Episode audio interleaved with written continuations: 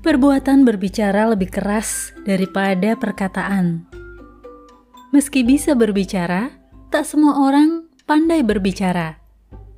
Entah karena gugup, grogi, tidak siap, ada intimidasi, dan sebagainya.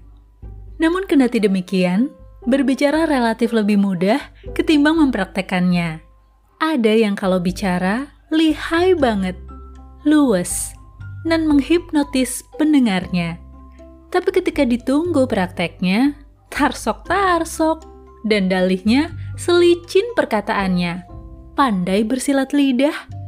Pada akhirnya, kita pun menyadari, hidup nggak butuh sekadar teori, tapi praktek.